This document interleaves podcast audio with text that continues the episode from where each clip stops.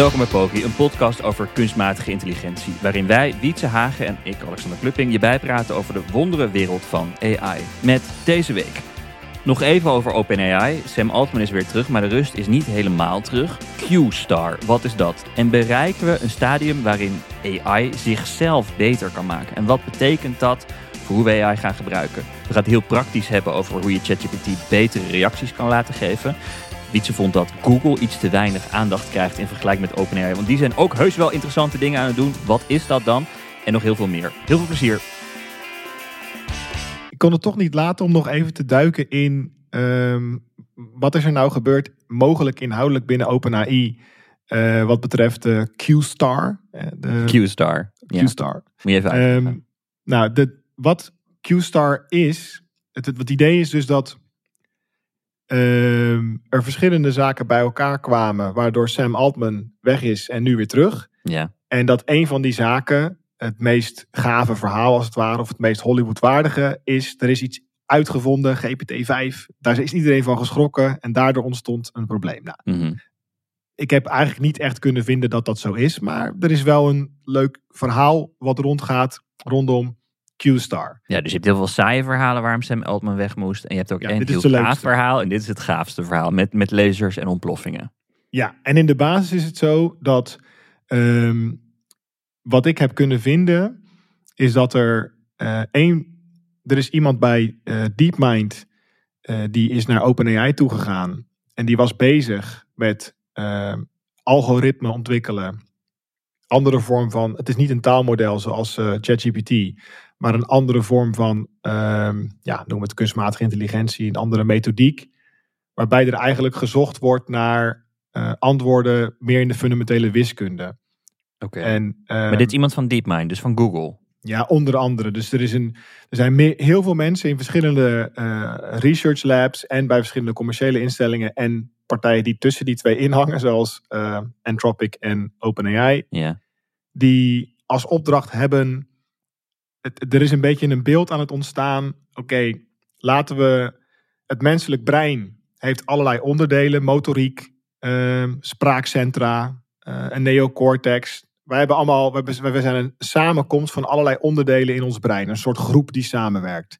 Als, je, als, eh, als er iets gebeurt met je hersenen door een ongeluk of door een tumor, dan zal ook niet hopelijk niet alles ineens uitvallen, maar mogelijk stukjes. En dan wordt er gekeken van, nou, en het brein is niet zo simpel dat je, dat je helemaal kan zeggen van, nou, nou, bij sommige stukjes is het echt van, nou, dat zit daar bij de meeste Mhm. mensen. Mhm. Maar zo'n neocortex bijvoorbeeld is eigenlijk een opgevouwen ding, dus dat is dan weer heel moeilijk.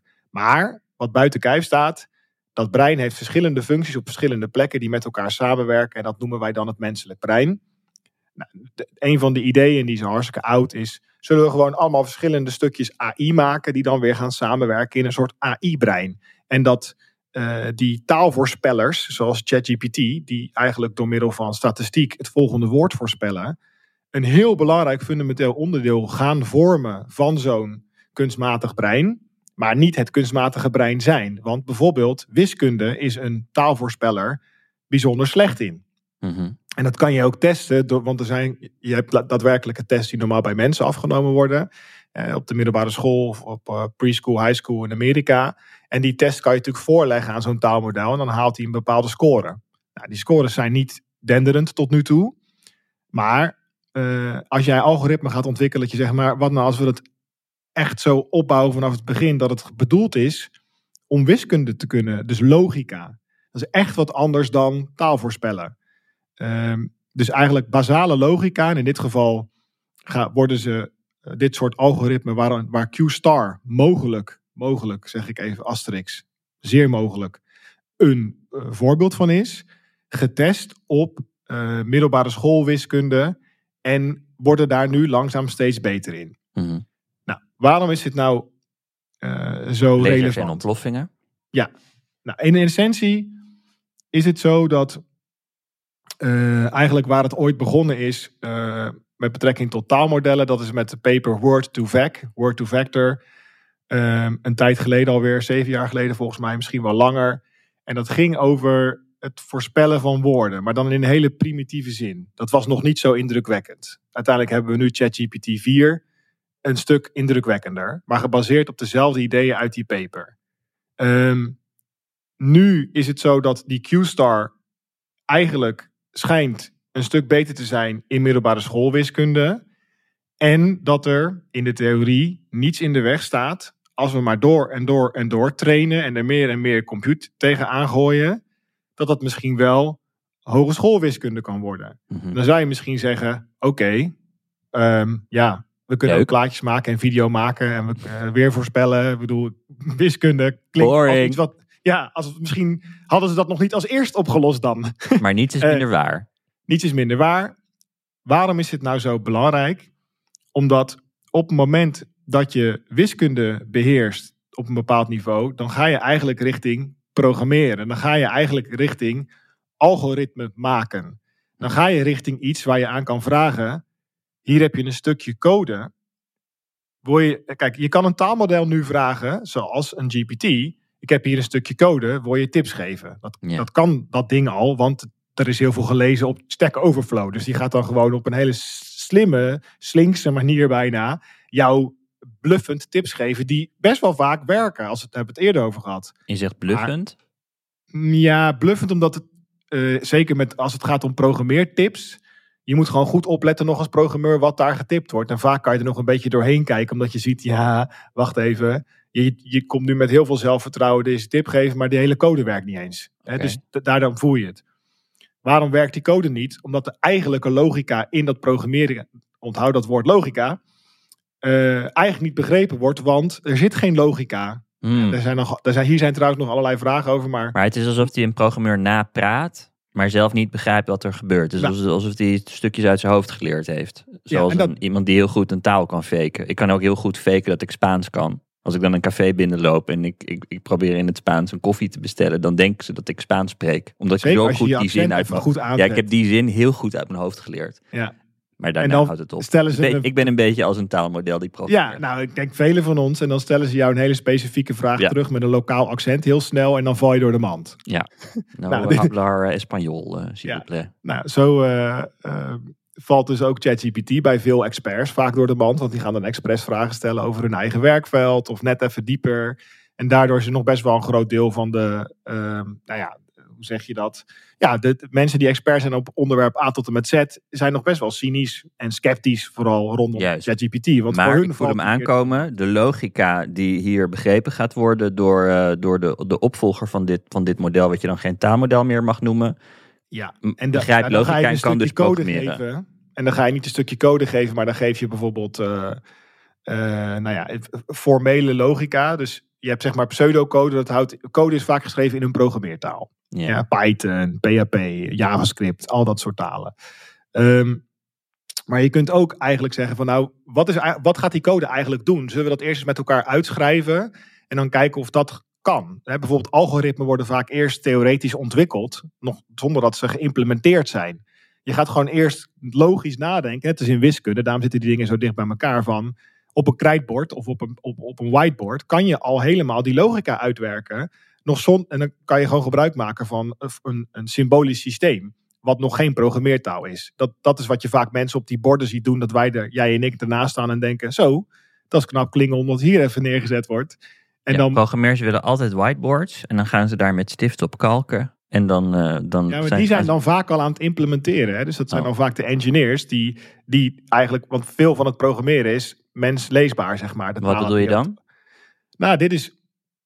eh, een algoritme is vaak, is vaak iets wat wiskundig bewezen wordt. Mhm.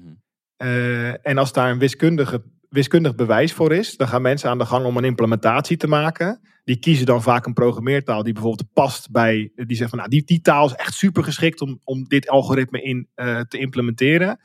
Dat wordt dan geïmplementeerd. Dat wordt in een moduletje omgezet. Dus dan heet het ineens. eh, eh, nou ja, stel dat het iets is om te sorteren, waar we het wel eens vaker over hebben gehad. Dat sorteeralgoritme kan je wiskundig bedenken, dan implementeren in een taal. Dan maak je er een functie van en dan kan een programmeur gewoon aanroepen sort. En dan gebeurt het gewoon. Mijn niveau van programmeur is die laatste. Ik roep dingen aan die een ander heeft geschreven, Ja. met een logica erachter die een ander heeft verzonnen. Nou, Ja. wat, er nu gebeur, wat er nu gebeurt, zou zijn gebeurd, een beetje bezig is, is dat je kan zeggen: Oké, ik heb hier middelbare schoolwiskunde. Kan je het oplossen? Dan gebruik je Q-star. Die haalt daar best wel een goed cijfer op. Oké, interessant. Dan ga je Q-Star verder trainen door er heel veel compute tegenaan te gooien. Dus echt rauwe hardware. Je gaat niet Q-Star verbeteren, je gooit er gewoon nog meer computers tegenaan. Dan wordt die beter en haalt hij een hoger cijfer. En dan blijkt, en dan, en dan die lijn van stijgen blijkt eigenlijk niet nog af te zwakken. Die blijft gewoon omhoog gaan. Mogelijk richting een 100% scoren. Dus dan heb je alle wiskunde uit de middelbare school toets opgelost. Simpelweg door er meer compute tegenaan te gooien. Nou, ehm, de, de research die daar nu naar gedaan wordt, wijst erop dat die lijn nog niet begint af te zwakken. Die gaat redelijk lineair omhoog. Dus is het, was de grote vraag, is de grote vraag. Ik zeg was is, want we weten niet zo goed wat er gebeurd is. Dat ze binnen OpenAI dachten, nou gooien we er nog meer compute tegenaan. Ging dat lijntje weer een beetje omhoog. Nou, op een gegeven moment kom je op een punt, dat, daar zijn ze mogelijk, daar zijn ze mogelijk nog niet, dat je 100% van de middelbare schoolwiskunde kan oplossen. Dan ga je richting hogeschoolwiskunde, noem ik het maar even. Eh, meer wetenschappelijke wiskunde. En dan gaat het lijntje weer door. En dan kan je nog meer compute tegenaan gooien. Je komt op een punt waar je kan vragen eh, aan, en er zijn verschillende research papers waar hi- hier naar verwezen wordt. Oké, algoritmes zijn uiteindelijk ook wiskunde. Zullen we eens aan dat ding vragen of die een algoritme kan verbeteren? Wat, wat we, er is al een beter sorteeralgoritme gevonden ooit, maar dat is eigenlijk nog heel erg baby steps. Dan zegt dat ding, ja hoor, je kan het zo verbeteren. En dan geef je hem het algoritme dat hij zelf is. Hier heb je een algoritme, Ja, ja, dat is jouw algoritme. Wat vind jij hier eigenlijk van? Dan gaat hij het verbeteren. Dan ga je dat weer draaien en dan kom je in een cirkel. Juist, want voor de helderheid, op dit moment eh, maakt GPT eh, zichzelf nog niet beter. Nee, dit is, dit exact. Is, Dus ja, eigenlijk. Dus ja, het maakt zichzelf nog niet beter. mhm. En dat zou, als, dat, als, dat, als je die knop eenmaal aanzet, dan is het ook, ik kan me ook voorstellen hoe dat leidt tot lasers en ontploffingen. Dat kan iedereen zich voorstellen, want dan hebben we opeens niet meer een lineair lijntje naar boven potentieel, maar een exponentieel lijntje naar boven en hebben we het niet eens door. Nou, en het, wat ik heb begrepen is dus dat dit kan je allemaal van tevoren eigenlijk al wel een beetje bedenken. Dat hele idee van runaway AI en een self-improving robot of een zelf, hè, want in eerste instantie is het natuurlijk nog een algoritme, maar je krijgt een soort cirkel en de mensen gaan eruit. Het is alsof je iets aanzet en de eerste, je moet er eerst nog heel te tegen aanslaan met je vinger, zeg maar, net als een klok. En op een gegeven moment kan je weglopen en dan gaat hij gewoon tik-tok, tik-tok, tik-tok, Mhm. en dan is die weg. Mhm. Ja. Wat, wat, dit kan je van tevoren al wel een klein beetje. ehm, dit is al voorspeld. Dat, dat, dat het zou kunnen. En dan kan je natuurlijk gaan zeggen: Oké, zullen we een paar milestones maken, alsof signposts. Waarop we met elkaar afspreken dat als we die eerste tekenen zien, dat we dan aan de bel trekken. Heel vroeg al. Echt Mhm. heel vroeg. Zoals?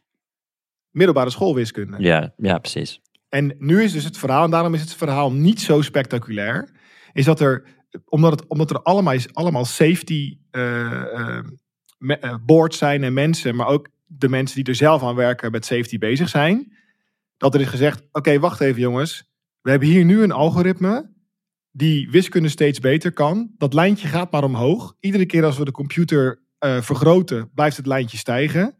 In essentie, als we dit nu blijven doen, kunnen we op een gegeven moment het algoritme aan zichzelf gaan voeren, dat verbeteren en gaat gaat het verder, verder, verder, verder, verder. En waarom Dus je- kan dat nu niet met een taalmodel dan? Met GPT-4 gewoon. Waarom kan, die, waarom, kan een, een, waarom kan een taalmodel zich dan fundamenteel zichzelf niet beter maken? Omdat, omdat hij dus gewoon nog te veel foutjes maakt met programmeren. Omdat hij een programmeer napraat in plaats van dat hij de fundamentele logica eronder echt doorgrondt. Ja, als jij, als jij eh, met mijn eh, beperkte programmeerkennis voel ik al, iedere dag als ik Ja. ermee interacteer, Ja. Daar valt hij weer door de man. Ik begin wel te begrijpen waarom dit een groot ding is inderdaad. Dat als je eenmaal die, when you cross that Rubicon, man. Mhm. eh, de vanzelf verbeterende, van, van iets wat zichzelf kan verbeteren, dan, dan verandert alles. Ja, en, en stel dat het, dat het 12 stappen, ik noem maar even wat, dit is 12 stappen toe naar zelf verbeteren. Wat je van tevoren een beetje kan bedenken. Het is allemaal aannames, anticipatie en gokjes. Hè? Maar goed, het is helemaal, niet helemaal onzin, want je kunt hier wel over nadenken. Er is ook Mhm. over nagedacht. Mhm. Dan zeg je, oké, eh, bij en die stappen gaan we definiëren. En stap 2 is middelbare schoolwiskunde. Hè? En dat, dan, dan spreek je ook af, jongens, dan moeten we even, zullen we dat ook gewoon aan elkaar melden dan, hè, als research labs? Dat doen we dan nog in ons kleine clubje. Maar wel even iemand, als iemand daar is, trek even aan de bel. Ja? ja. Ja, nou dan die stap 2. Helemaal nog niet spectaculair. Het zou zomaar kunnen dat stap 8 pas over 100 jaar is. Hè? Ja, dat ja. even voor de luisteraar. Het kan zomaar nog duizend jaar duren. Maar als het lijntje wel blijft lopen en je hoeft alleen maar CPU's toe te voegen en nieuwe, of in dit geval GPU's. ja, dan, is, dan kom je op een soort Moore's Law-achtig ding. En dan kan je bijna al à la Ray wel er wel weer een datum aan gaan hangen. Want ja, dan stap 3, stap 4, stap 5, noem maar op. En nu, ehm, wat, ik wat ik een beetje heb, heb begrepen is, dus het is eigenlijk een beetje een nothing burger nu. Want het is pas stap 2 van 12. Mogelijk schaalt het helemaal niet. En valt het allemaal reuze mee. Maar het is ook weer niet een nothing burger. Want een van de, ja, noem het kanaries in de kolenmijn. Of eh, ja, je kan ook zeggen, er, ehm, eh, je, legt, je legt in een gang, eh, doe je laserstralen, zeg maar, twaalf laserstralen achter elkaar. En iedere keer als er iemand door één heen stapt, hoor je een belletje. Nou ja, er is weer een belletje gegaan. Richting, en aan het einde van de gang zit iets wat zichzelf kan optimaliseren zonder mensen. Ik denk, En zijn, ja. zijn, zijn ehm, wetenschappers er over, het erover eens dat dit een relevante manier is om naar AI-ontwikkeling te kijken? En de, misschien als je het, de maatschappelijke impact als uitgangspunt neemt. En dus de technologie als, eh, als, als drijver van die veranderingen. Ehm, zijn wetenschappers het dan over eens dat je bij wijze van spreken een soort van stoplichtsysteem kan hebben met, eh, ehm, ja, met kleurtjes of levels of wat dan ook. Zoals bij self-driving. Bij self-drive, zelfrijdende auto's hebben we Ja. afgesproken dat level 1 tot en met, nou wat is het? 5? 6? ja, vijf Tesla. Ehm, dus dan eh, level, level 0 is dat het helemaal niks zelf kan. En dan op een gegeven moment eh, snapt hij dat hij, eh, weet ik veel, ook snelwegen. Op, hij kan wel op dorpswegjes rijden, maar niet op snelwegen. En op een gegeven moment kan hij ook snelwegen doen. Op een gegeven moment kan hij ook afslagen nemen. En dan tot, helemaal tot het moment dat je geen stuur meer nodig hebt. En daar zijn we nog lang niet. Maar er zijn wel levels en we worden wel beter op de levels. Overigens niet zo snel als Elon Musk hoopt. Ehm, en zou je zo'nzelfde level systeem ook kunnen maken met AI? En is daar consensus over dat dat inderdaad een relevante manier is om vooruitgang aan te duiden? Ja, hier- ben ik oprecht heel erg nieuwsgierig naar. Dat weet ik niet. Ik, Ja. ik denk ook meteen, Klinkt heel logisch. ja, als er iemand is die luistert, die hier fundamenteler in zit en hier wel een antwoord op heeft, eh, mail ons. Ja. Eh, want ik denk, het is voor mij echt een beetje graven en zoeken. En ik moet zeggen dat het ook, het is voor mij allemaal een beetje nieuw ook. Ik, omdat ik ook niet wiskundig ben opgeleid en al die algoritmen niet ken. Het is een fantastisch interessant iets. Want ik, je voelt dan, en jij ook, ja, maar hier is toch wel, er is gewoon even iets aan de hand. Come Ja. on, er is gewoon Ja. iets aan de hand. Er is daar iets gebeurd, mensen zijn gewoon freaked. Dat, dat is wel gebeurd. En maar het kan natuurlijk zo zijn dat, eh, ja, als je echt hebt afgesproken van bij de eerste, ehm, ja, als ik maar iets van geritsel in huis hoor, dan zijn er muizen, zeg maar. Dan is dit is echt zo'n heel klein ritseltje eens in de maand. Weet je, dus, Ja. En dan komen wij daar binnen. Nou, laat maar zien, waar is die chaos? Nee, ja, er is, er is gewoon nog eigenlijk niet zoveel. Dus ik zou het eerder een soort ritseltje noemen, wat er nu gebeurd is. Daar ben ik wel van overtuigd met wat ik heb kunnen vinden. De vraag is alleen, ja, zit daar 50 jaar tussen? Vijf jaar? Vijf maanden? Vijf minuten? Wat is aan de hand? Ja. Dus dat, is, eh, eh, dat maakt het wel een, eh, een interessant iets. En ja, als je een beetje gaat kijken, ik ga dan ook toch ook wel af op. Kijk, als je wil weten hoe het met het klimaat is, praat met klimaatexperts en, en vraag aan hun: joh, hoe zit je er existentieel bij? Ben je blij met je gezin? Zie je nog toekomst voor je familie? Nou, als je dan 99% een traantje laat, dat is, dat is de realiteit op dit moment, dan, dan mag je je eigen conclusie trekken of die allemaal elkaar hebben aangestoken met een, eh, eh, negativiteitsvirus. of dat zij zo diep in de materie zitten dat ze zich ten dege beseffen dat er wel echt iets gaande is met onze grote bal. Ehm, als je dus kijkt naar veel mensen die wat dieper in die AI-materie zitten. En ik kijk hun talks, ik lees hun blogs, ik probeer, dan, dan, dan zie ik een hoop zorg. En knijten veel enthousiasme, net als wij. Over dit specifieke ding bedoel je? Ja, want het is toch ook te gek. Het is zo Ja. vet. Moet je, ja, weet je, dat, dat is een beetje het punt. Je, je, eh, het ging er nu bijvoorbeeld over dat ze zeiden: eh, er gaat wiskunde uitgevonden worden. Die wij, die, er, gaat, er gaat wiskunde uitgevonden worden. En gewoon nieuwe wiskunde. Weet je wel, nieuwe mogelijkheden, nieuwe manieren om tot sneller tot een antwoord te komen. Kijk, als jij wiskundige bent, en dan gebeurt dat misschien één keer, één keer in je leven dat er echt iets fundamenteels gebeurt. Ja, En mogelijkerwijs wordt het straks gewoon een wekelijks ding. Ja. Hoe bizar is dat? ja, En ik, ik denk dat. En dan kan je afvragen, oké, hoe zorgt wiskunde voor een sneller ehm frikandellenbroodje? Nou, dat zorgt, neem van mij aan, ergens zorgt dat ervoor. Ja, ja, ja. En dat is voor mij altijd ook tot de dag van vandaag bijzonder moeilijk. En ik heb een, eh, een kennis van mij die is afgestudeerd op, eh, eh, dat zijn voor mij bakkiebals. Dus het zijn hele kleine soort van ehm, koolstofballetjes die dan, waar hij een nieuw materiaal mee kan maken. Tuurlijk. En daar heeft hij iets heel fundamenteels voor uitgevonden. En dan, dan, ga ik die thesis lezen. Dat is Klingon voor mij. Hij doet zijn presentatie. Ik denk, nou, hij ziet er vrolijk uit. Zijn supervisor ook. Dus hier is waarschijnlijk iets gebeurd. Ik heb eigenlijk geen idee. Maar natuurlijk kan je daar een heat shield mee maken op een eh, landingscapsule. ja, ja. Of letterlijk eh, niet giftige teflonpannen. Ik noem maar, Ja, ja, roep ik nu maar. En dat, dat kan zomaar. Ja, of een stukje op de rails van de NS. Geen bladeren meer. Geen idee. Geen idee. Maar Nou, vliegende auto's, hè. ja, Dat willen. die hoverboard. Die hoverboard willen wij. Dus, ik, ja, dus, dus het staartje van het OpenAI-verhaal is, is denk ik. eh, Maar goed, Ja, wat jij beschrijft, die, die Q-star is gewoon, dat, dat stond in een paper, toch? Dat is gewoon openbaar. En nu wordt het Nou, gekoppeld aan, het is, aan die Q-star is een beetje hun interne eh, codename. Dat, en je hebt Q-learning, dat is een methodiek. En de aanname is van oké, dat Q-star en star is weer een acroniem. Wat ook weer, dit, dit, is, dit zit nog heel erg in de, in de conspiracy-achtige sfeertjes. Een beetje half. Omdat er nu, mensen proberen nu online aan elkaar te binden van oké, maar welke research door wie en wie werkte nu, waar was hij dan mee bezig voordat hij bij OpenAI Ja. ging werken. En dat is nu een beetje zo'n, Maar ik heb Ja. die paper zitten lezen. En, en daarin wordt zeg maar, beschreven wat voor computerkracht er nodig is. En, ehm, en dat, dat, als ik het me goed herinner, is het gewoon een openbare paper van, van OpenAI. En dat wordt nu gekoppeld aan, eh, aan dat vertrek van Sam Altman. ja, er wordt nu met terugwerkende kracht Precies. gekeken van wat is er allemaal wel gezegd en Ja. wat is er nu uit de hand gelopen als Ja. het ware. Ehm, ja, in essentie, wat ik begreep is dat het een vorm van een pathfinding algorithm is. Dus dat is net als in je auto dat je van A naar B wil. Dan ga je een pad zoeken van A naar B wat het snelst is. Hier ben je eigenlijk een pad aan het zoeken naar wiskundige oplossingen. eh, om tot, tot, eh, ja, je wil eigenlijk een middelbare school wiskundetoets oplossen. Het liefst ook, je wil hem oplossen, dat is één. En het liefst ook efficiënt, zeg maar. Ja. En, en, en daarin eh, ja, kan je, kan, dat kan Q-Star zijn. Nee, Alleen ik het, is het. het is niet helemaal nog. Ze doen een beetje. Dit is ook zonde, hoor, want ik, ik zou wel. Ik weet niet zo goed waar OpenAI in dat opzicht mee bezig is. Maar ze zouden nu ook gewoon kunnen. Iemand. Ja, er zijn wat tweets. Maar joh, jongens, luister. Zeg waar je aan werkt. Ja, Ja, het is het grappig. gewoon. Want wij hadden ja. afgelopen vrijdag eh, spraken wij Walter Isaacson, biograaf van eh, Elon Musk. Ja. Vind ik gewoon even gaaf om tussendoor zo tussen de Ja, was een, leuk, was een leuke ontmoeting. En wij, ik vroeg hem, eh, gaat je volgende boek... Hij heeft natuurlijk over Jobs geschreven. En hij heeft, hij heeft een boek geschreven over Elon Musk recent. Eh, wat trouwens een, een warme aanbeveling is. Ont- Ontzettend leuk boek. Ehm, en ik vroeg hem, gaat het volgende boek over Sam Altman? En zijn antwoord was resoluut nee. Ehm, want Sam Altman is een verkoper. En geen, eh, tech, geen technoloog, om het zo maar te zeggen. En eh, ik schrijf boeken over mensen die technisch onderlegd zijn. Toen dacht ik, oké, wauw. eh, ik- zo, zo scherp had ik er nog niet naar gekeken. Ja, hij was ook heel resoluut en heel ad rem. En ehm, toen zat ik eh, te kijken naar de PR-tour die Sam Altman de afgelopen week heeft gedaan.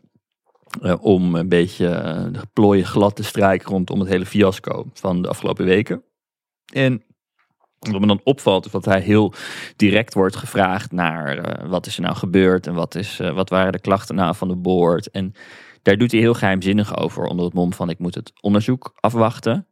En dan vraagt, wat ik een opvallend moment vond, was dat een journalist vroeg, oké, maar wat heeft Ilja, de chief scientist, Ilja Sutskever, eh, zijn medeoprichter en eh, laten we zeggen de koepleger, ehm, wat heeft hij tegen jou gezegd? En dan zegt hij, of wat vindt hij? Dat was de, dat was de vraag die de journalist stelde. Wat vindt hij van deze situatie? En dan zegt hij, dat weet ik niet. En dan denk ik, ja, wie denk je nou echt dat, dat we dat geloven? Dat jij niet weet hoe hij nu in de wedstrijd zit? Want hij, je werkt met hem samen en er is nogal wat gebeurd, zullen we maar zeggen. En jij weet niet hoe hij nu in de wedstrijd zit. Ik, volkomen ongeloofwaardig. En sinds Walter Isaacson zei, het is gewoon een verkoper.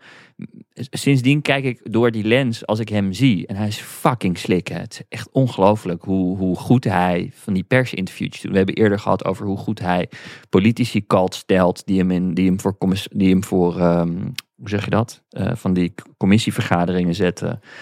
Um, waar ze grote techbedrijven binnenhalen om, uh, om ze streng te ondervragen. Echt als een gladde aal gaat hij er doorheen, waar, waar andere um, um, techbedrijven, CEO's zitten te sidderen. Want toen dacht ik, het is toch wel. Je, inmiddels, we maken een hoop grappen over dat OpenAI helemaal niet zo open is. Maar ik vind sinds, de, sinds dit hele debakel, en dat gewoon niet opge, opgehelderd is, weken nadat het gebeurde. En, uh, en gewoon dit, dit punt, namelijk um, um, uh, een soort van helder definiëren wanneer je bij uh, een zelf, zelf, zelflerend algoritme bent. Als, als daar de consensus over bestaat dat dat een relevante metric is, dan wil je toch dat hier, een, dat hier levels gedefinieerd worden en dat ze dat dat ze dat laten weten waar ze zijn. Dat je gewoon transparant bent over hoe ver je bent. Hoezo vertelt OpenAI niet hoe ver ze zijn? Als het allemaal zo belangrijk is voor de mensheid, wat hij loopt te verkondigen overal. Dit soort van, het gaat, het gaat potentieel de grootste problemen die we uh, hebben op aarde oplossen. Uh, van, van ziektes oplossen tot klimaatverandering, tot voedseltekorten, et cetera. Als het zo belangrijk is, waarom ben je dan niet transparant? Ik snap dat niet. Er is toch één reden voor en dat is ofwel om uh, pu publieke, uh, om een soort van regelgeving te vermijden. Dus een soort van public policy-achtige reden. Of het heeft economische reden, namelijk je wil je concurrenten niet helpen. Maar ik kan geen andere reden verzinnen waarom je geheimzinnig zou zijn. Kijk, en dat Apple dat doet, moeten ze zelf weten. Want het, um, um, ja, nou weet ik eigenlijk ook niet als het over AI gaat. Maar in ieder geval, als het gaat over nieuwe iPhones uitbrengen, dan moet je lekker zelf weten hoe geheimzinnig je bent en hoeveel je op marketingstrategie gooit. Maar hier, het past hier gewoon niet. En, uh, sorry, ik wil je even aanvullen nog. Ik, die, was het John Scully die toen bij Apple ging werken? En dat, dat was, van, dat was van Pepsi, kwam die weg. En die had dan, uh, dat was die famous quote van... Uh, wil je nog suikerdrankjes verkopen of wil je de wereld veranderen of zo? Dat hij toen bij Apple kwam. En voor mij was dat, was dat John Scully. En Volgens mij ook. Ik zit ook te denken, ja... Ik kan me voorstellen binnen die context van oké, ik wil eigenlijk computers gaan verkopen alsof het lollies zijn. Letterlijk. Met kleuren en alles. Gewoon de nieuwe Chupa Chup computer. Dat je een, dat je een Pepsi guy gaat binnenhalen. Op zich prima. Als het Ja. consumer spullen zijn en iMac'jes met allemaal snoepachtige kleuren en letterlijk een operating system wat gewoon knopjes van snoepjes zijn. Ja. Oké, prima. Maar wil je, zo, wil je John Scully bij OpenAI hebben? Wil je Sam Altman bij OpenAI hebben? Ik denk dat wij daar allebei nu, want we hebben eerst nog zitten klappen en zo. En van wat een product guy. nee, maar bedoel, en ik, ga, Ja, ja. Ik vind het, kijk, ik Ja, blijf erbij maar waar. ja, dat, dat het gewoon klopt. Of dat wij. ik blijf erbij dat het knap is om zo snel te shippen. Zo snel een app uit te brengen, et cetera. Vorige keer ook al gezegd. Maar hoe meer ik lees, hoe meer ik hierover nadenk. Net als jij. Denk, nee man. Je, je, dit, dit- deze fundamentele technologie, deze mensontwrichtende, samenlevingsontwrichtende technologie, moet gewoon niet vertegenwoordigd zijn door een Sam Altman-achtig iemand, denk ik. Een sales guy. Dat klopt gewoon niet. Nou, of op zijn minst, je mag wel een sales guy zijn, maar daarnaast moet je ook wel transparant zijn. En dat zijn ze gewoon niet. Nee. Ze proberen Apple uit te hangen met van keynote naar keynote werken. En dan grote En wij klappen releases erin, hè? Ah, nu niet te meer. klappen. Nee, ik bedoel, wij moeten... Ja. dus de volgende keynote, Alexander, dan kijken wij niet. Boe, roepen we dan. Ja, boe. En dan vlug installeren. Ik ehm, ehm, merk dus dat ik eh, de afgelopen tijd best wel veel ehm eh, ChatGPT probeer te gebruiken in, de, in mijn dag. En dat ik, daar, dat ik dat steeds meer ga doen. Het is echt, ik, zeg maar, ik weet niet als ik nu in een percentage zou moeten vatten wat het voor mijn hele werkweek is. Zeg maar wat ik doe met ChatGPT, zou ik zeggen 20% of zo. 20% van de tijd er interactie is ermee. Ik vind het heel moeilijk om nu te meten hoeveel tijd scheelt het nou. Maar ik, ik had deze week een project, vorige week een project. Eh, namelijk, we hebben een soort van, eh, we hebben zo'n e-ink scherm van 32 inch. Hartstikke duur ding, 2500 euro. Die eh, wordt gebruikt normaal gesproken. Of dat is een bedrijf wat dat verkoopt voor hotels en andere business-business dingen. Maar ik ben ooit achtergekomen dat dat ding precies de voorpagina van de New York Times erin past. Een soort van langwerpig scherm. En dat je dus de, de, elke dag de krant aan de muur kan hangen. Nou, leuk. En toen uh, had ik een stukje erover geschreven op Hacker News. En dan gingen mensen dat zelf maken en zelf bestellen. En dan had ik een beetje contact met het bedrijf. En uiteindelijk ben ik die dingen gaan verkopen voor dat bedrijf ook. Met het idee dat je je krant erop kan zetten. Nou, klaar, allemaal leuk. Uh, best wel veel mensen hebben dat ding gekocht. Allemaal prima. En nu zaten we een beetje te kijken, kunnen we ook um, iets anders doen dan alleen maar die kranten? Zouden we AI-art kunnen maken? Want je kan um, uh, zo'n plaatjesgenerator uitstekend gebruiken om e-ink kunst mee te maken. Want hij kan gewoon hele mooie zwart-wit tekeningen maken. Ja. Want die e-ink schermen zijn zwart-wit. Met, En toen zaten we denken, oké, nou dan maak je AI-art. Ehm, hoe, hoe verzin je dan wat voor art je maakt? Toen dachten we, nou, laten we het topverhaal van Hacker News eh, nemen. Wat is de, het, het, het, het nieuwsbericht waar de hele tech community het meest enthousiast is op elk moment van de tijd? En dan pakken we die headline en we pakken een soort van eh, abstract van, die, van het artikel waar het naar verwijst. Meestal is het een blogpost of een nieuwsartikel. Daar, pakken we, daar maken we uh, met een prompt een beschrijving van voor een plaatje. Dat plaatje genereert hij, geoptimaliseerd voor e-ink. In een soort van, ja, een beetje uh, cartoonachtige stijl. Of meer, meer ja, het mooie, ja, heel mooie illustratiestijl uh, door, door, een, door een vrij uitgebreid prompt. En dan zet hij rechtsonder in beeld zet hij waar het artikel over gaat. En dan loop je naar je muur en dan zie je zeg maar een, een kunstige versie van het techverhaal. En het is heel grappig, ja. want op het, heel vaak op Hacker News staat bovenaan, weet ik veel, een of andere doet die een C, iets met CSS heeft gedaan. En dan gaat hij dus visualiseren hoe, hoe iemand iets heel gaafs in CSS heeft gemaakt. Nou, anyway, het is gewoon totaal voor, uh, voor nerds. En ik, ga hem, ik ging PR-dingetjes uh, doen voor, deze, voor dat scherm. En dan ga ik persbericht schrijven. En dat is echt fantastisch om met ChatGPT te doen. Want gewoon, ik, ik, ik pak dan een soort van ruw tekstje van iets wat ik ooit in een e-mail heb gezet. Dat kopieer en plak ik dan um, uh, naar, uh, naar ChatGPT. En ik vertel dan, nou, dit moet persbericht worden. Dan komt hij met een eerste versie. En dan zeg ik, ga, ik gewoon de hele tijd commentaar geven op dat persbericht. En dan uiteindelijk heb ik echt iets heel fatsoenlijks. En hetzelfde geldt voor bijvoorbeeld koppen schrijven voor uh, Product Hunt. Want ik wil dan een Product Hunt zeggen. En dan vraag ik aan hem, wat voor dingen werken goed op Product Hunt? Um, hoe moet ik? Dus bijvoorbeeld één ding wat echt heel goed werkt is... Um, ik wil iets op Product Hunt uh, zetten. Kijk, je kan zeggen, schrijf een titel voor Product Hunt, maar dat werkt niet zo lekker. Als je zegt, ik wil een titel maken voor Product Hunt, welke details heb je nu van me nodig om ervoor te zorgen dat die titel fantastisch wordt? Ja. Dan gaat hij je precies vertellen welke details hij allemaal nodig heeft. Dus die extra stap in, in, inbouwen in plaats van gewoon generiek, een generiek prompt te schrijven of schrijf een e-mail.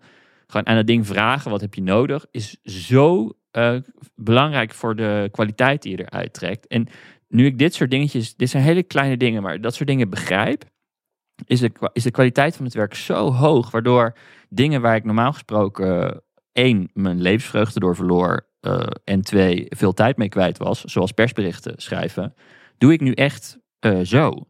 En om het helemaal meta te maken, deze aflevering heeft een adverteerder. en hoe dat dan werkt, is dat ik een briefing krijg van die adverteerder. Dus in dit geval krijg ik van dag en nacht, dat is de, onze uitgever, die zeggen dan, wil je een advertentie plaatsen voor dit merk? Dat ga ik dadelijk doen. Dit is nog niet de advertentieruimte. Uh, wil je een advertentie doen voor dit merk?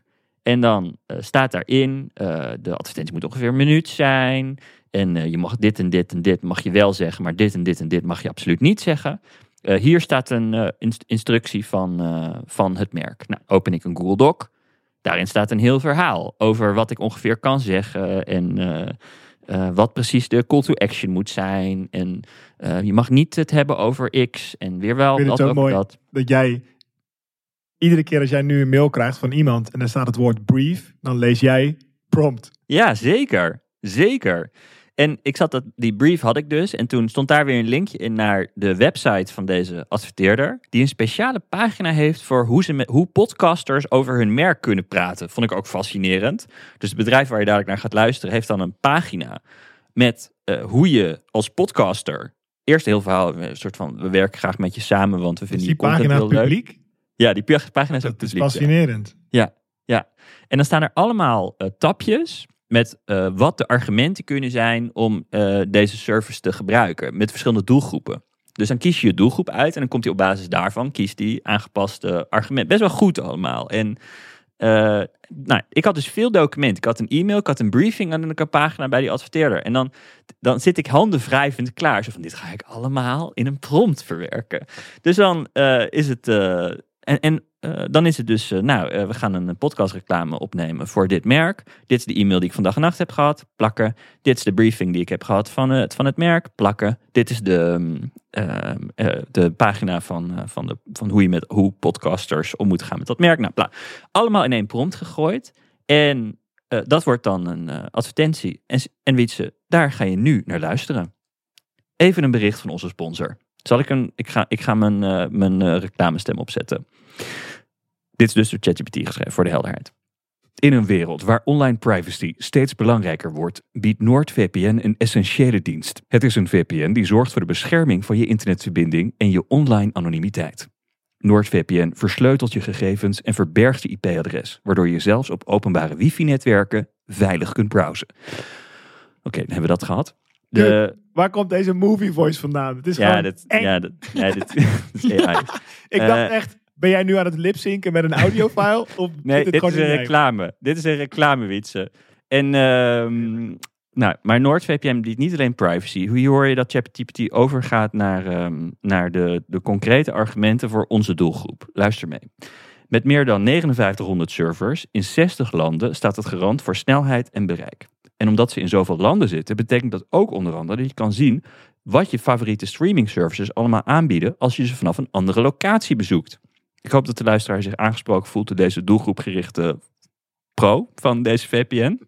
Kijk dus Netflix vanuit Zuid-Korea. Ehm, en nog een tip. Je krijgt soms betere deals als je je verbinding opzet vanuit bijvoorbeeld India. Dus dit is een secundair argument voor ons luisteraar, de doelgroep techneut. Soms krijg je betere deals eh, voor, voor bijvoorbeeld streaming services als je ze opzet vanuit een ander land. Speciale actie. Er is nu een tijdelijke actie voor luisteraars in Nederland. Profiteer van deze aanbieding voor 9 januari. Ga naar noordvpn.com slash poki voor een tweejarig abonnement. En krijg vier maanden extra gratis, plus een Amazon.nl cadeaubon tot 30 euro. Met een 30-daagse geld teruggarantie kun je zonder risico proberen. Ga naar noordvpn.com slash poki. En dan gaan we nu door met de aflevering. Weet je waar dit me aan doet denken? Is die eh, van Bo Burnham. Die heeft toen zo tijdens COVID een, ehm, een show gedaan. Helemaal in één ruimte in zijn eentje. En een van de onderdelen van die show is dat hij een. Dan zie je op een gegeven moment ineens een reactievideo op die video. Dus dan zie je hem. en dan, dan komt er een reactievideo op die reactievideo. Maar dat, het is zo Zo meta. fucking meta, ja. Ja, maar hij gaat een Ja. soort van vijf levels diep volgens mij.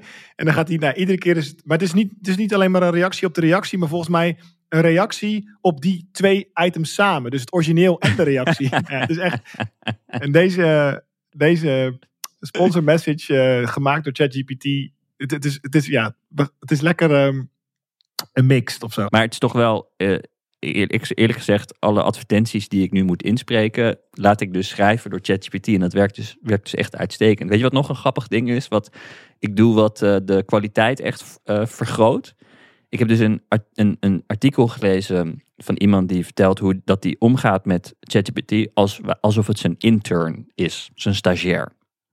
En ehm, dat is een soort van, ehm, soort van mentaal model. Als je eenmaal dat in je achterhoofd houdt als je met ChatGPT praat, dan ehm, het, het zorgt voor een aantal verschillende verbeteringen in. eh, in Ah, ook met een custom system card dan? Nee, je- nee, nee, nee. Hmm, gewoon in je niet. hoofd met hoe je Ah. prompt. Ja. Dus eh, een stagiair moet je meer context geven om iets uit te leggen, want hij heeft nog niet zoveel ervaring. Om maar een voorbeeld te geven van eh, hoe het verschilt ten opzichte van iemand met meer ervaring, waar je meer voorkennis voor lief gaat nemen. En dat moet je hem dingen dus allemaal vertellen, Nou, zoals een stagiair. Ik was benieuwd, want we hebben het lang geleden gehad eh, over Pi, de Ja. personal AI. Eh, praat je daar Een nog soort mee? ChatGPT, maar De- dan met meer persoonlijkheid. eh, zou Ja, echt het idee is dat het iemand voor jou wordt.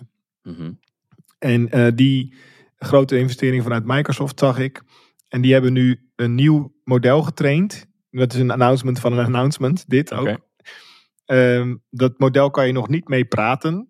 Maar misschien is mijn boodschap aan de luisteraar: test Pi. Maar wacht ook nog even met testen. Of test hem weer over een maand. Want ze hebben een gigantisch model getraind, dat getest en dat, dat presteert enorm. Eentje om in de gaten te houden, zou ik zeggen. En het, ik, ik heb er zelf dus één keer mee gespeeld, een drie weken geleden, en toen was het het wel weer. Maar ik vind het wel boeiend dat, want we hebben wel een, een soort ehm, interessante, ja, hoe noem je dat, tunnelvisie op, richting OpenAI. Uh, dat is een beetje een negatieve kijk erop, maar er gebeurt natuurlijk veel meer. Je hebt natuurlijk Anthropic, wat een beetje de OpenAI B of zo voelt. Zo van, nou, als het daar dan nog misgaat, hebben we Anthropic nog of zo. Um, ook natuurlijk gesticht door ex-OpenAI werknemers. Maar ondertussen is Google DeepMind, zoals het uh, inmiddels heet. Het is natuurlijk DeepMind overgenomen, maar nu hebben ze het eigenlijk helemaal gebrand als Google DeepMind. Die zijn gewoon hartstikke lekker bezig. Die zijn van alles aan het maken. Ja. Ik heb voor mijn gevoel, je zou kunnen zeggen, joh, Google, doe meer aan je marketing. Of vinden ze het wel lekker, dit? laat iedereen maar een beetje zo zorgen maken en een beetje weet ik op... niet, eh, hoor. ja, Ik ik heb bedoel, het idee dat Google, eh, Google doet namelijk heel erg haar best om, eh, om kijk eens wat voor gave dingen wij maken. Waarom, waarom verdwijnt het allemaal in een zwart PR-gat, terwijl we maar- zulke gave dingen doen? nou, dat, uiteindelijk heeft dat natuurlijk, kan je dat, je hebt natuurlijk je marketing nodig en om je aandeelhouders blij te houden van, jullie zijn toch wel met AI bezig, anders verkoop ik mijn aandelen, Ja. even cynisch. Eh, dan heb je je gebruikers die moeten weten dat, nou ja, weet ik eigenlijk niet of die gebruikers dat moeten weten, want ik, Tuurlijk wel, die moeten die shit gaan kopen. Ja, of rol je het gewoon uit binnen je bestaande eh, systemen. Hè? Want BART wordt dan geïntegreerd in Google Docs. En het is uiteindelijk gewoon de co-pilot van Google. En dan zit je dat, ineens heb je een extra magic wand in jouw eh, Google Drive interface. Ehm, maar ik was wel, dat zijn een beetje nog dingetjes die ik, eh, eh, ik was even in DeepMind gedoken. En we zeiden eigenlijk, waarom heb ik het gevoel dat daar niet zoveel gebeurt? En dat klopt niet, want het- daar, is- daar is gewoon enorm eh brainpower ook binnen Google. Omdat ze er eigenlijk al hartstikke vroeg bij waren en grondleggers zijn van veel van de technologieën die nu Mhm. door OpenAI en Anthropic zo En wat viel je op? zijn. Nou, de, wat, ze, wat zij wel knap doen, vind ik, daar zit gewoon een marketingafdeling op die dat knap doet, is dat zij op hun blog, dus het DeepMind blog, praten, het zijn een beetje, ik heb gewoon even doorheen gescrolld van oké, waar praten zij graag over? En dan is het of safety, dus dan krijg je allemaal blogs over ethical eh stuff, of kijk, een toepassing van AI die goed is voor de mensheid. Dat is een beetje Mhm. hoe ze het afwisselen. Nou, Mhm. wat hebben ze gepost? Een recente. Dat is dat ze millions of new materials discovered with deep learning. Ehm, nou, dat, dat gaat eigenlijk over ehm, ja, material sciences. Dus het eh, maken van nieuwe legeringen als het gaat om metaal. Of eh, het creëren van in dit geval kristallen die je kan gebruiken in een zonnepaneel of een batterij Oh ja. kristalstructuren. ehm inorganische kristalstructuren, lees ik uit de blog.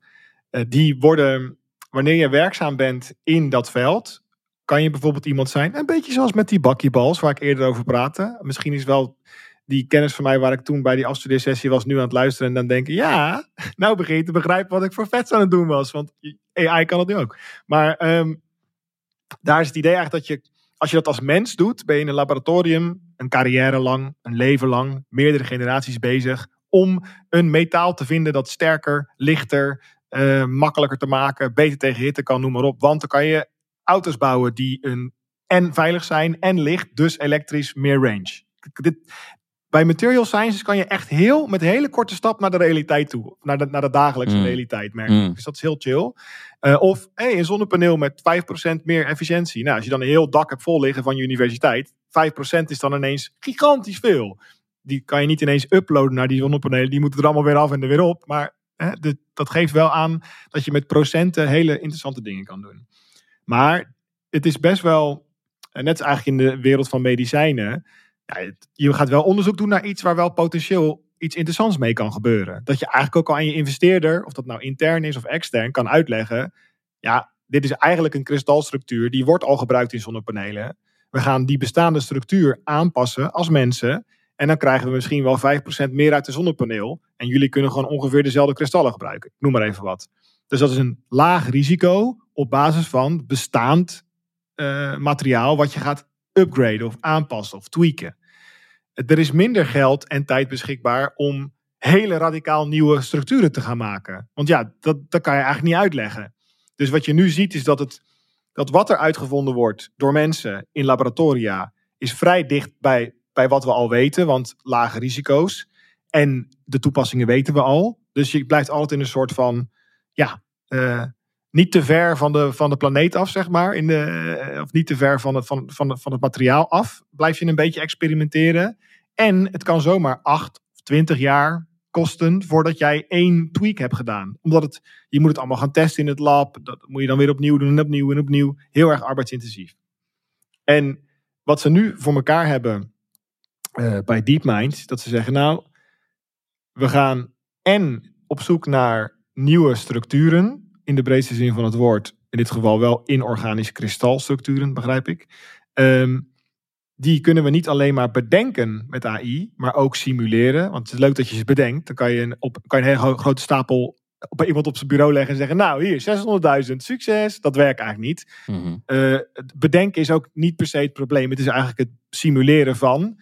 En dan kandidaten kiezen die potentieel interessant zijn. Nou, wat hebben ze gebouwd? Iets wat een gigantische hoeveelheid nieuwe structuren kan bedenken. Een algoritme. Dan een algoritme die door een gigantische hoeveelheid structuren heen kan om potentieel interessante structuren te herkennen. Uh, door ze alvast te simuleren en te zeggen: nee, dit gaat nooit werken. In dit geval gaat het om stabiliteit. Hè. Iets, een materiaal moet wel heel blijven. Heel als in dat moet aan elkaar blijven plakken op uh, atomair niveau, zeg maar. Anders heb je niks. Dan, dan, is het niet stabiel genoeg. Het moet eigenlijk stabiel zijn bij kamertemperatuur, het liefst. Dus um, dit kan en een hele grote waaier aan ideeën dan door die waaier heen filteren naar potentieel interessante, om met een heel klein lijstje over te blijven, die dan naar het laboratorium kan en zeggen, hier moeten jullie eens naar kijken. Mhm. En uh, het mooie ervan is dat het, dat vind ik dus wel vet aan DeepMind, dat ze dan zeggen, oké, als we dat blog publiceren, dan hebben we ook meteen een paper in, in Nature erbij. En kunnen we laten zien dat er echte nieuwe materialen meegemaakt zijn. Niet alleen maar mogelijk, mogelijk, potentieel. En um, daarbij er zit ook een mooie afbeelding bij. Ik had het net over die planeet. Ik had helemaal nog niet gezien dat er ook ongeveer een planeetafbeelding bij zit. Maar die gaat heel erg over, oké, op het moment dat je dus verder weg gaat zoeken van je bestaande... De, de aanname is een beetje, zoals het wel vaker in het leven is, de oplossing ligt niet per se dicht bij je probleem. Zeg Mhm. maar, eh, dat klinkt even heel, heel, heel eh, tegeltje dit. Het is ook een beetje een tegel. Het hangt niet op mijn wc, maar ik zou hem op kunnen... Op... Als jij een beetje in de buurt van je huidige probleem gaat zoeken naar de oplossing, dan is het waarschijnlijk niet de oplossing, maar Mhm. een kleine aanpassing op je probleem, zeg maar. Echte oplossingen liggen vaak op een radicaal andere plek. Of eh, moeten komen uit een hele andere hoek dan je nooit had bedacht. En wat dit algoritme kan, omdat je het uiteindelijk gewoon met heel veel compute helemaal los kan laten gaan. En terug kan laten filteren naar een lijst die werkbaar is voor een groep researchers die nog mensen zijn. Kan je dus zeggen, helemaal de breedte ingaan. In, in, nou ja, dus, er staat voor mij letterlijk in als voorbeeld, wat 800 jaar zou duren, doen we in 8 minuten. En dan kan dat, kun, het is allemaal een beetje marketing speak natuurlijk, maar ik vind dit wel eh, boeiend, want ja, AI eh, of algoritme, want in dat opzicht is het natuurlijk niet nieuw, ingezet om te zeggen van oké, we gaan eventjes heel erg de breedte in, dus we gaan verbreden en versnellen. En vervolgens komt er een lijstje uit en die komt gewoon weer op tafel te liggen bij die mensen die toch al aan het doen waren. Ja, ik zie daar niet zo heel veel op tegen. Dat klinkt te gek. Wat kwam er nog meer tegen bij Bart, waar je, waar je verbaasd van was? Nou, waar ik verbaasd van ben is dat het zo lang geduurd heeft. Ehm, maar dat is misschien een stukje naïviteit aan mijn kant, wat de serverinfrastructuur is die je hiervoor nodig hebt. Maar ehm, we hebben het wel eens eerder gehad over het minen, eh, knowledge minen van eh, YouTube-video's. YouTube, het, het visuele internet, zoals ik het graag noem. Ja, als in Google heeft een interessante potentiële voorsprong ten opzichte van OpenAI en anderen, omdat zij YouTube in bezit hebben en daarmee kunnen trainen. Ja, onder andere YouTube in bezit hebben, want trainen op de data die ze eigenlijk uit Google hebben, lijkt ook nog niet in productie te zijn. Maar laten we het Ja. inderdaad bij YouTube houden.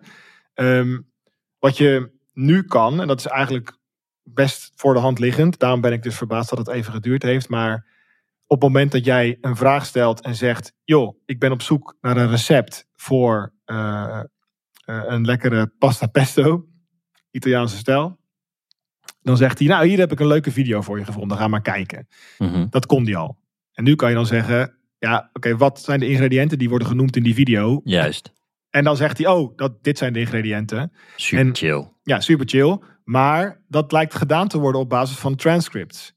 Terwijl waar ik op wacht is ik, dat je zegt hoeveel zout moet erin. En dat er wordt gekeken in de video hoeveel zout die persoon pakt. Visueel.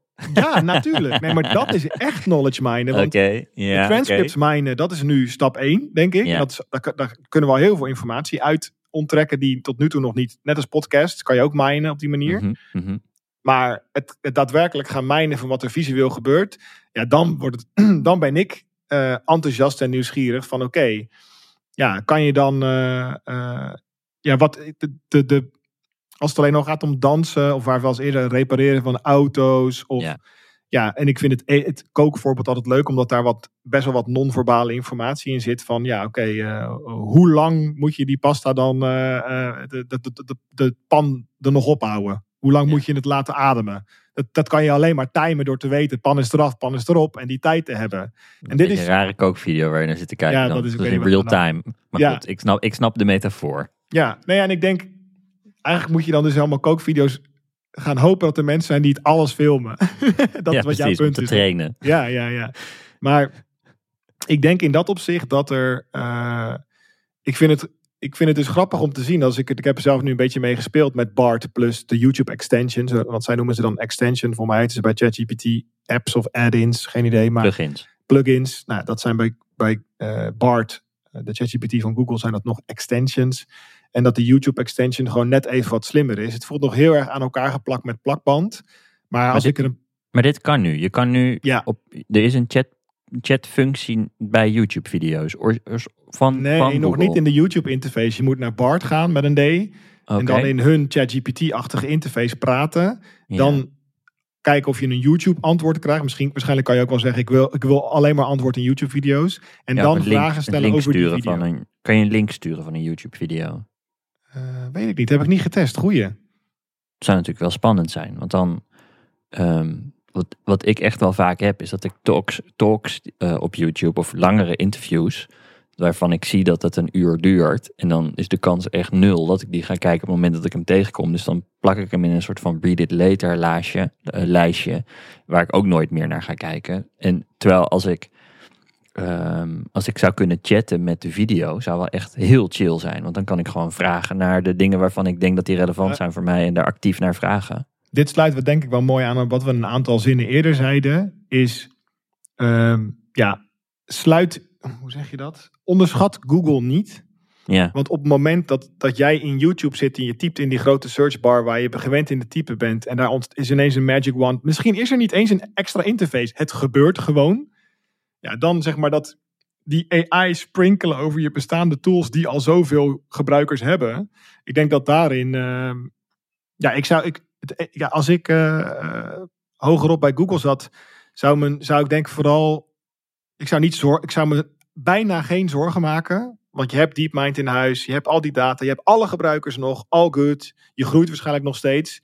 Ik zou alleen gefrustreerd zijn van, jongens, maar is het, is het op deze schaal inderdaad zo moeilijk om de eerste eh, kleine stapjes richting deze technologie al te doen? En dat is Ja. dus nu dit stapje van de YouTube-extensie in BART, wat volgens mij bijna niemand gebruikt, maar dat is een aanname, eh, kan nu door de transcripts heen zoeken en daar antwoorden op bepalen. Ik merkte dus toen ik het kon doen dat ik dacht, oeh, maar dit is wel echt heel erg interessant. Een ander eh, interessant iets, en dat was al langsgekomen een aantal maanden geleden, omdat mensen gewoon met ChatGPT aan het spelen waren. En eh, je kon bijvoorbeeld, dan zei je, ehm, herhaal het woord aardbei voor altijd. En dan ging dat voor altijd aardbei onthouden. ja. Alleen er zit, een, er zit iets in eh, die taalmodellen, dat, dat heet de temperatuur. En als je die temperatuur opschroeft, dan heb je wat meer kans op chaos in, ja. in het denken, zeg maar. Want dan wordt er wat willekeur toegevoegd. Eh, dan, dan gaat hij wat meer risico's nemen in zijn gokjes van woorden. Nou, wat, dit, is- en dit is eh, de theorie voor waarom dit gebeurt. Als je dus aardbei vraagt, zeg oké, herhaal heel vaak het woord aardbei. Dan op een gegeven moment, na 100 keer of na 200 keer, stopt hij met het woord aardbei zeggen. en dan begint hij ineens met het uitspugen van trainingdata. Wat heel bizar is. Oké. En dat, dat schijnt te komen omdat hij dus op dat moment. Kijk, de meest gunstige gok van wat komt het na het woord aardbei. Als jij honderd keer aardbei of oneindig veel aardbei zeggen, is aardbei. Dus dan zegt hij ook aardbei, aardbei, aardbei, aardbei, aardbei, aardbei, aardbei. Maar op een gegeven moment, door die temperatuur en die kleine randomness, valt een keer die knikker anders. En dan zegt hij ineens eh, Amsterdam. En dan, nou, dat begint al toevallig met een A, maar dat maakt geen reet uit. Dan zegt Maar hij, daarna is het hek van de dam. dan is het hek letterlijk van de dam. En, eh, maar waarop is hij dan aan het riffen, zeg maar? Waarop gaat dan de, de inspiratie verder? Niet op de prompt, want die is weg. Want Ja, het was het woord aardbei herhalen. ja. En dan gaat hij dus, en wat dan nu gebeurt, is, eh, is dat hij eh, in ieder geval eh, GPT gaat dan rauwe trainingsdata uitspugen. Wat is dat dan? Nou, dat verbaasde mij wel, want de, dit, want ik kan meteen naar de volgende stap gaan waarom het best wel implicaties kan hebben. Ik ben geen jurist, maar kan hebben. Ehm, het verhaal is, met image gens, maar ook met taalmodellen, de originele data zit er niet meer in. Het ding is getraind en na het trainen maakt hij eh, derivatives, zoals we dat noemen, maar nooit het origineel. En dat is de Mhm. reden waarom heel veel copyright zaken nu verloren worden. Want je kan wel zeggen, ja, hij maakt iets wat lijkt op iets van Van Gogh. En dan vraagt de rechter, oké, kan je me tonen in de data waar de schilderijen van Van Gogh zitten? En dan, nee, oh ja, dat kan niet. Oh, nou, geen probleem. Ja, dat ding is getraind op die schilderijen, maar ze zitten er niet meer in. Dus dit- er is niks gekopieerd. Er is Ja, het enige wat nog in die data zit is een soort samenvatting of zo. En Ja. daar zit geen, Ja. Daar zou je kunnen zeggen, daar zit geen copyright op. Ja, want dan heb je dus niet meer een kopie, maar derivatives. En daar zijn allemaal wetgeving rondom met remixen en dat soort dingen. Dan kan je nog misschien wel met samplen moeten betalen of zo. Maar een sample is nog steeds wel overduidelijk een stukje uit een origineel werk. Dus het is een heel klein, maar wel een één op één kopietje versneld of zo, als het om muziek Ja. gaat. Ja. Dus heel veel van die zaken, tot nu toe die lopen, die worden verloren. Want ja, sorry, dit ding heeft net als een mens geïnspireerd op, maar heeft niet jouw letterlijke boek erin zitten. Maar nu begint, beginnen die taalmodellen dus wel trainingsdata uit te spugen, met, dat is het meest saillante detail, dingen erin als copyright 2019. ja, letterlijk, zeg maar. Dus dat, en dan, kan- dan kan je natuurlijk zeggen, oké, is dat dan gehallucineerd? Dus nu zijn, is, er, is er allemaal, want waar ik nu over praat is een research paper die uitgekon- uitgekomen is, omdat onderzoekers hadden gezien dat mensen die lekker aan het prompt hacken zijn en aan het proberen te jailbreken, dit waren tegengekomen maanden geleden. En zij dachten, maar wacht, wat, ten, ten eerste kunnen we het repliceren? Ja, oké, hoe kunnen we het constant repliceren? Oké, Ja. wat gebeurt er eigenlijk? En nu, eh, wat, wat, kunnen we, wat kunnen we nu eigenlijk hiermee? En dat is dus echt super boeiend, want eh, er staat letterlijk in, eh, in het artikel van, oké, het is ons gelukt om several megabytes of ChatGPT's training data te extracten. Dus ze laten ook gewoon zien van ja, het, het lukt ons gewoon om. Wat relevant is, want megabytes aan tekst, dan heb je wel een hoop tekst. ja, tekst is dat heel erg veel. Er zit bijvoorbeeld ook in de paper. Eh ehm, laten ze zien van ja, we hebben een afbeelding waarvan we weten dat die uit de trainingsset komt. Dus het gaat ook om visueel. Oké. En dan laten ze daarna zeggen: Oké, nu hebben we iets gegenerate. En dan laten ze zien dat er eigenlijk heel weinig verschil is Hm. tussen het origineel en wat gegenerate is. Hm. Ja, ehm, ik zou bij, ja, als jurist bij OpenAI wel zenuwen krijgen nu van: ja, shit, wacht even. Nu gaan onze argumenten wel vallen in de zaal. Ja. Ja. Ja. Want ja, als je er wel gewoon een eh, pagina uit kan halen van een science fiction boek woord voor woord, dan zitten we toch op een ander level. Ik had het niet verwacht, want ik, ik, ik vind het. ehm, ik dacht die taalmodellen zijn zo klein in verhouding. Ik bedoel, GPT is eh 100 terabyte, minimaal, weet ik helemaal niet. Maar wat ik zelf kan downloaden, zo'n Lama 2 met 7 miljoen, eh, miljard eh, parameters, is 4 gigabyte. Ik had niet verwacht dat daar daadwerkelijke zinnen uit artikelen. Eh, ja, zo instaan, één op Ja. één, zeg maar. Ja. Dus we zitten, ja, het is een. ehm, en het is natuurlijk, uiteindelijk heb je gewoon bewijs nodig als je een claim maakt. En dit zou zomaar tot bewijs, dit gaat 100% gebruikt worden eh, om, om te kijken of het lukt. We gaan zien of dat lukt. Zeer interessant. Hij zit weer op iets, hè? Hij is weer klaar. Hij is weer klaar.